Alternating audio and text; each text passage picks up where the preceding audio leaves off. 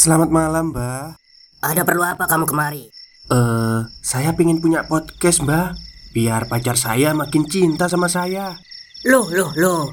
Mau bikin podcast kok tanya dukun? Sekarang kamu download aplikasi Anchor.fm. Di situ kamu bisa buat podcast gratis dan podcast kamu bisa didistribusikan ke platform mana pun. Dan di aplikasi atau website Anchor.fm juga terdapat fitur-fitur yang memudahkan kamu untuk membuat podcast. Oh, gitu ya, Mbak. Kalau gitu, saya boleh minta password wifi-nya, Mbak. Buat apa? Buat download Anchor.fm, Mbak.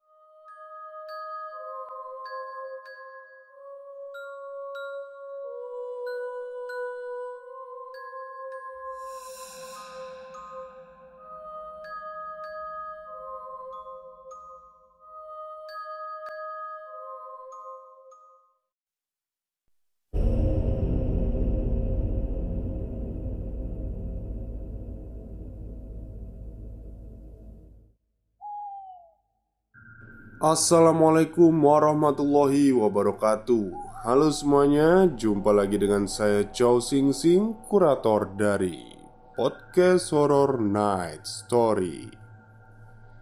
Oke, pada siang hari ini Saya akan membawakan cerita dari kiriman email ya Dari Mbak Dania yang ada di Netherlands. Jadi Mbak Dania itu dulunya di Indonesia, di Surabaya. Terus ikut suaminya orang Belanda Ya sekarang berdomisili di Belanda. Jadi di cerita ini Mbak Dania itu ingin menceritakan tentang pengalamannya Waktu pertama kali mendapatkan sebuah karunia yaitu indera keenam. Dan seperti apa kisahnya? Mari kita simak Assalamualaikum warahmatullahi wabarakatuh. Salam kenal Bang Jow Sing Sing. Pertama-tama perkenalkan namaku Dania. Aku pendengar setiap podcast Horror Net Story via Spotify. Setiap hari saya selalu ditemani suara Bang Jow Yang asyik bercerita dari pengalaman-pengalaman teman-teman yang lain. Baik itu di kamar mandi maupun di kamar tidur Yang penting asyik untuk didengarkan. Saat ini aku berdomisili di Netherlands Karena suamiku itu orang Belanda. Tapi aku asli orang Surabaya. Cerita pertamaku ini awal mula membuka Six Sense-ku Yang waktu itu usiaku menginjak 17 tahun. Dan saat ini aku sudah berusia 37 tahun. Wah masih muda ya Kehidupanku seperti pada umumnya. Keluarga yang sederhana. Almarhum bapakku seorang pegawai swasta Yang bekerja di sebuah perusahaan Jerman. Nama perusahaannya Perangakat Medis. Agak sulit ya penyebutannya. Tetapi keluarga dari almarhum bapak memiliki keistimewaan Dan itu sedikit menurun padaku Alhamdulillah sampai saat ini Berawal saat itu aku akan menghadapi ujian kenaikan kelas 2 ketiga SMA Satu minggu sebelum ujian terlaksana Aku mendapatkan kabar dari seorang teman SMP Dia mengatakan bahwa teman sekelas kami dulu sedang kritis di rumah sakit Dr. Ramalan Surabaya. Namanya Ning. Ning ini sudah punya kelainan di bagian otak belakangnya. Itu juga yang menyebabkan pertumbuhan badannya tidak normal seperti usia pada umumnya. Belum lagi bekas banyaknya jahitan operasi di tengkuk belakang hingga leher bagian belakang. Dia itu yang paling kecil di antara kami postur tubuhnya. Sebagian murid-murid nakal memanggil dia cebol, dan ada pula yang manggil dia monster. Wah, dia sering sekali dapat bulian dari murid-murid laki-laki yang nakal, kurang kerjaan, dan gak pintar, alias bodoh dalam pelajaran. Dia adalah Bowo. Dia yang paling sering berbuat ulah. Saking nakalnya, saya juga sering berkelahi dengannya saat itu. Karena saya sendiri kasihan pada Ning yang sering dibully oleh Bowo. Singkatnya, setelah lulus SMP, aku sudah tidak pernah lagi bertemu Ning hingga dua tahun setelah itu aku mendengar kabar tersebut. Keesokannya, aku dan Ike, teman sekelas waktu SMP ku, meluncur ke rumah sakit. Mendengar info dari alumni-alumni, gak pakai susah ketemu di ruangannya. Dan kami bertemu mama dari Ning ini. Ya, seneng dong, meski ada perasaan prihatin saat itu. Karena kita melihat kepalanya hingga leher itu sudah full perban tapi tidak untuk bagian wajahnya. Ya, hampir seperti mumi lah. Senengnya karena masih bisa lihat Sining tersenyum dan ngobrol Meski kadang kita nggak paham dengan apa yang disampaikan oleh Ning Kami pikir itu mungkin efek dari operasinya atau bagaimana. Tapi ada satu hal yang janggal waktu itu. Bahkan si mamanya Ning ini juga merasa aneh. Saat itu mamanya Ning itu bilang kalau hari ini dia terlihat senang Sering tersenyum dan ngajak bercanda. Dan pas kita ngobrol-ngobrol Tiba-tiba itu Ning nyeletuk Mah, Dania kan kemarin sore sudah mampir ke sini Kok sekarang ke sini lagi? Tapi gak apa-apa kok, aku seneng bisa ketemu lagi kita bertiga spontan saling lihat. Saat itu aku sempat juga kaget. Lalu mamanya jawab, "Loh, Dania itu baru hari ini ke sini jenguk kamu, Ning." Dan Ike pun menimpali, "Iya, Ning. Baru hari ini kok Dania ke sini bareng aku."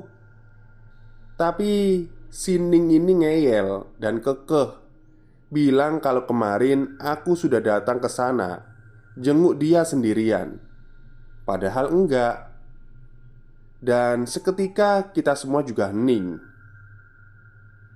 Gak mau beradu argumen atau menambah keheningan Akhirnya aku bilang Oh iya Kan kemarin saya mampir ke sini sebentar ya tante. Sambil memberi kode kedipan ke mata sang mama. Hahaha. Mama lupa ya? Ejek Ning ke mamanya. Semakin senja akhirnya kami pamit pulang Dan mendoakan semoga teman kami Diberi kesehatan dan berkumpul kembali dengan keluarganya. Namun Dua hari setelah itu Kami mendapatkan kabar lagi bahwa Ning sudah berpulang ke Rahmatullah Perasaan kaget, sedih, dan gak percaya bercampur aduk setelah meminta izin kepada ibuku, aku langsung berangkat bersama Ike dan teman-teman alumni yang lain menuju ke rumah duka. Tapi kami datang terlambat. Jenazahnya sudah dimakamkan, dan yang membuat kami kaget dan terharu waktu itu ternyata Bowo juga datang. Bowo yang dulu sering membuli Ning dan menjahati Ning dia di sana terisak menangis sambil berkata, "Stop, stop, kita break sebentar. Jadi, gimana? Kalian pengen punya podcast seperti saya? Jangan pakai dukun, pakai anchor, download sekarang juga gratis." Sepurane sing akeh ning Dulu saat aku bercanda kelewatan dan jahat sama kamu Tante, saya minta maaf juga ya. Saya dulu sering sekali nakal sama Ning. Saya benar-benar minta maaf, meskipun mungkin udah telat. Mamanya Ning menangis terseduh-seduh, seolah memaafkan Bowo. Dan sebagian dari kami juga meneteskan air mata melihat ketulusan dan kejujuran Bowo. Beberapa hari kemudian, Empat atau lima hari setelahnya, aku menghadapi ujian di sekolah. Aku yang sudah terbiasa belajar di dalam kamarku yang kebetulan di lantai atas, tiba-tiba saat itu lampu padam. Setelah mencari dan menyalakan lilin di sekitar lantai kamar, aku lanjut untuk baca-baca lagi di atas lantai. Sebelumnya, aku sambil rebahan di kasur yang berseberangan dengan lemari bajuku. Saat itu aku ingat betul jam masih menunjukkan pukul 8 malam. Dan tiba-tiba ada hal yang tidak terduga terjadi. Pintu lemari bajuku terbuka dan tertutup sendiri berulang-ulang kali. Aku melihat dengan mata kepalaku sendiri kalau daun pintu lemari itu benar-benar terbuka dan tertutup sendiri. Aku gak bisa berteriak. Aku terpaku badanku pun susah untuk bergerak. Dalam gelap dan sedikit cahaya lilin, aku melihat almarhum temanku Sining. Dia berdiri persis di depan pintu lemari itu. Dia melihatku dan tersenyum. Saat itu, aku menangis dan aku bilang, "Maafin aku kalau aku ada salah ke kamu. Kamu yang tenang ya di sana." Aku sudah ikhlas. Seketika itu, pintu tersebut seperti ditutup dengan keras, dan bersamaan dengan sosoknya Sining ini yang menghilang. Barulah setelah itu, aku bisa menggerakkan tubuhku dan lari ke ibuku. Tapi aku nggak bercerita apa-apa. Setelah satu jaman, lampu kembali menyala. Aku menunggu mbak-mbakku untuk naik ke kamar masing-masing karena aku masih shock saat itu. Ya campur takut juga. Ketika sudah di dalam kamar Aku mencoba untuk tidur dengan tidak mematikan lampu tidurku yang imut-imut itu. Aku sudah terlelap Sudah deep sleeping.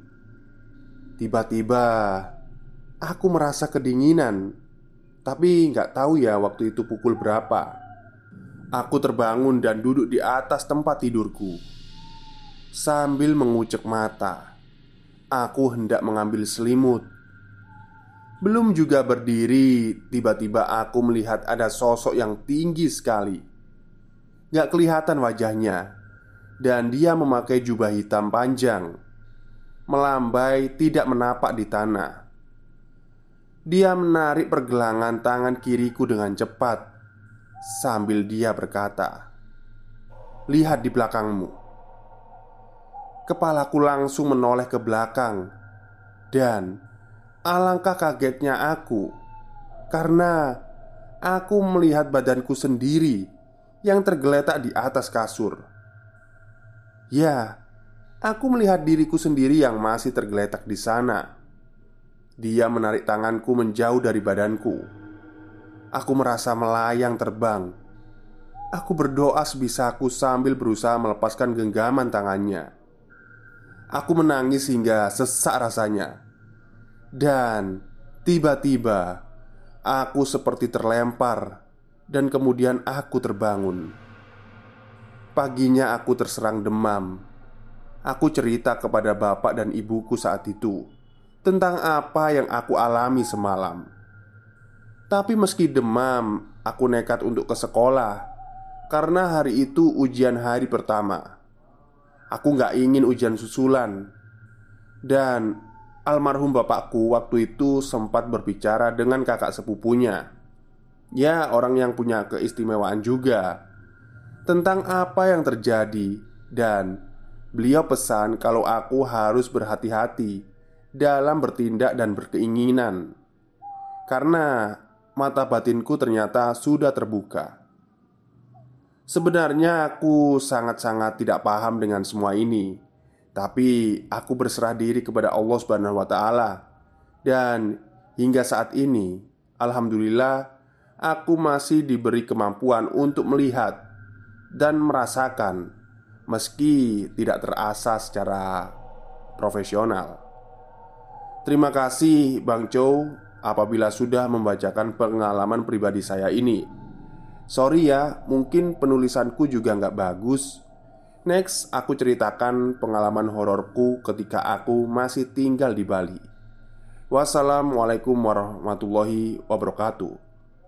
Vigel 20 Desember 2021 Oh Vigel itu nama kecamatan di Belanda kayaknya ya Oke Mungkin itulah cerita dari Mbak Dania yang ada di Belanda saat ini. Jadi dia ini memiliki mata saringan. Nggak, nggak mata saringan ya, mata batin gitu ya. Jadi aktif waktu dia berusia 17 tahun Ya memang kebanyakan gitu ya. Mata-mata batin itu aktifnya ya saat umur-umur tertentu saja. Tapi katanya dari kecil udah aktif itu ada. Ya nggak tahu juga ya Karena saya bukan uh, pewaris hal-hal kayak gitu. Oke, terima kasih banyak kepada Mbak Dania yang sudah capek-capek menulis dan mengirimkan dari Belanda ya untuk para pendengar di sini. Mungkin itu saja cerita dari saya pada malam hari ini. Mbak Nania ditunggu cerita selanjutnya. Wassalamualaikum warahmatullahi wabarakatuh.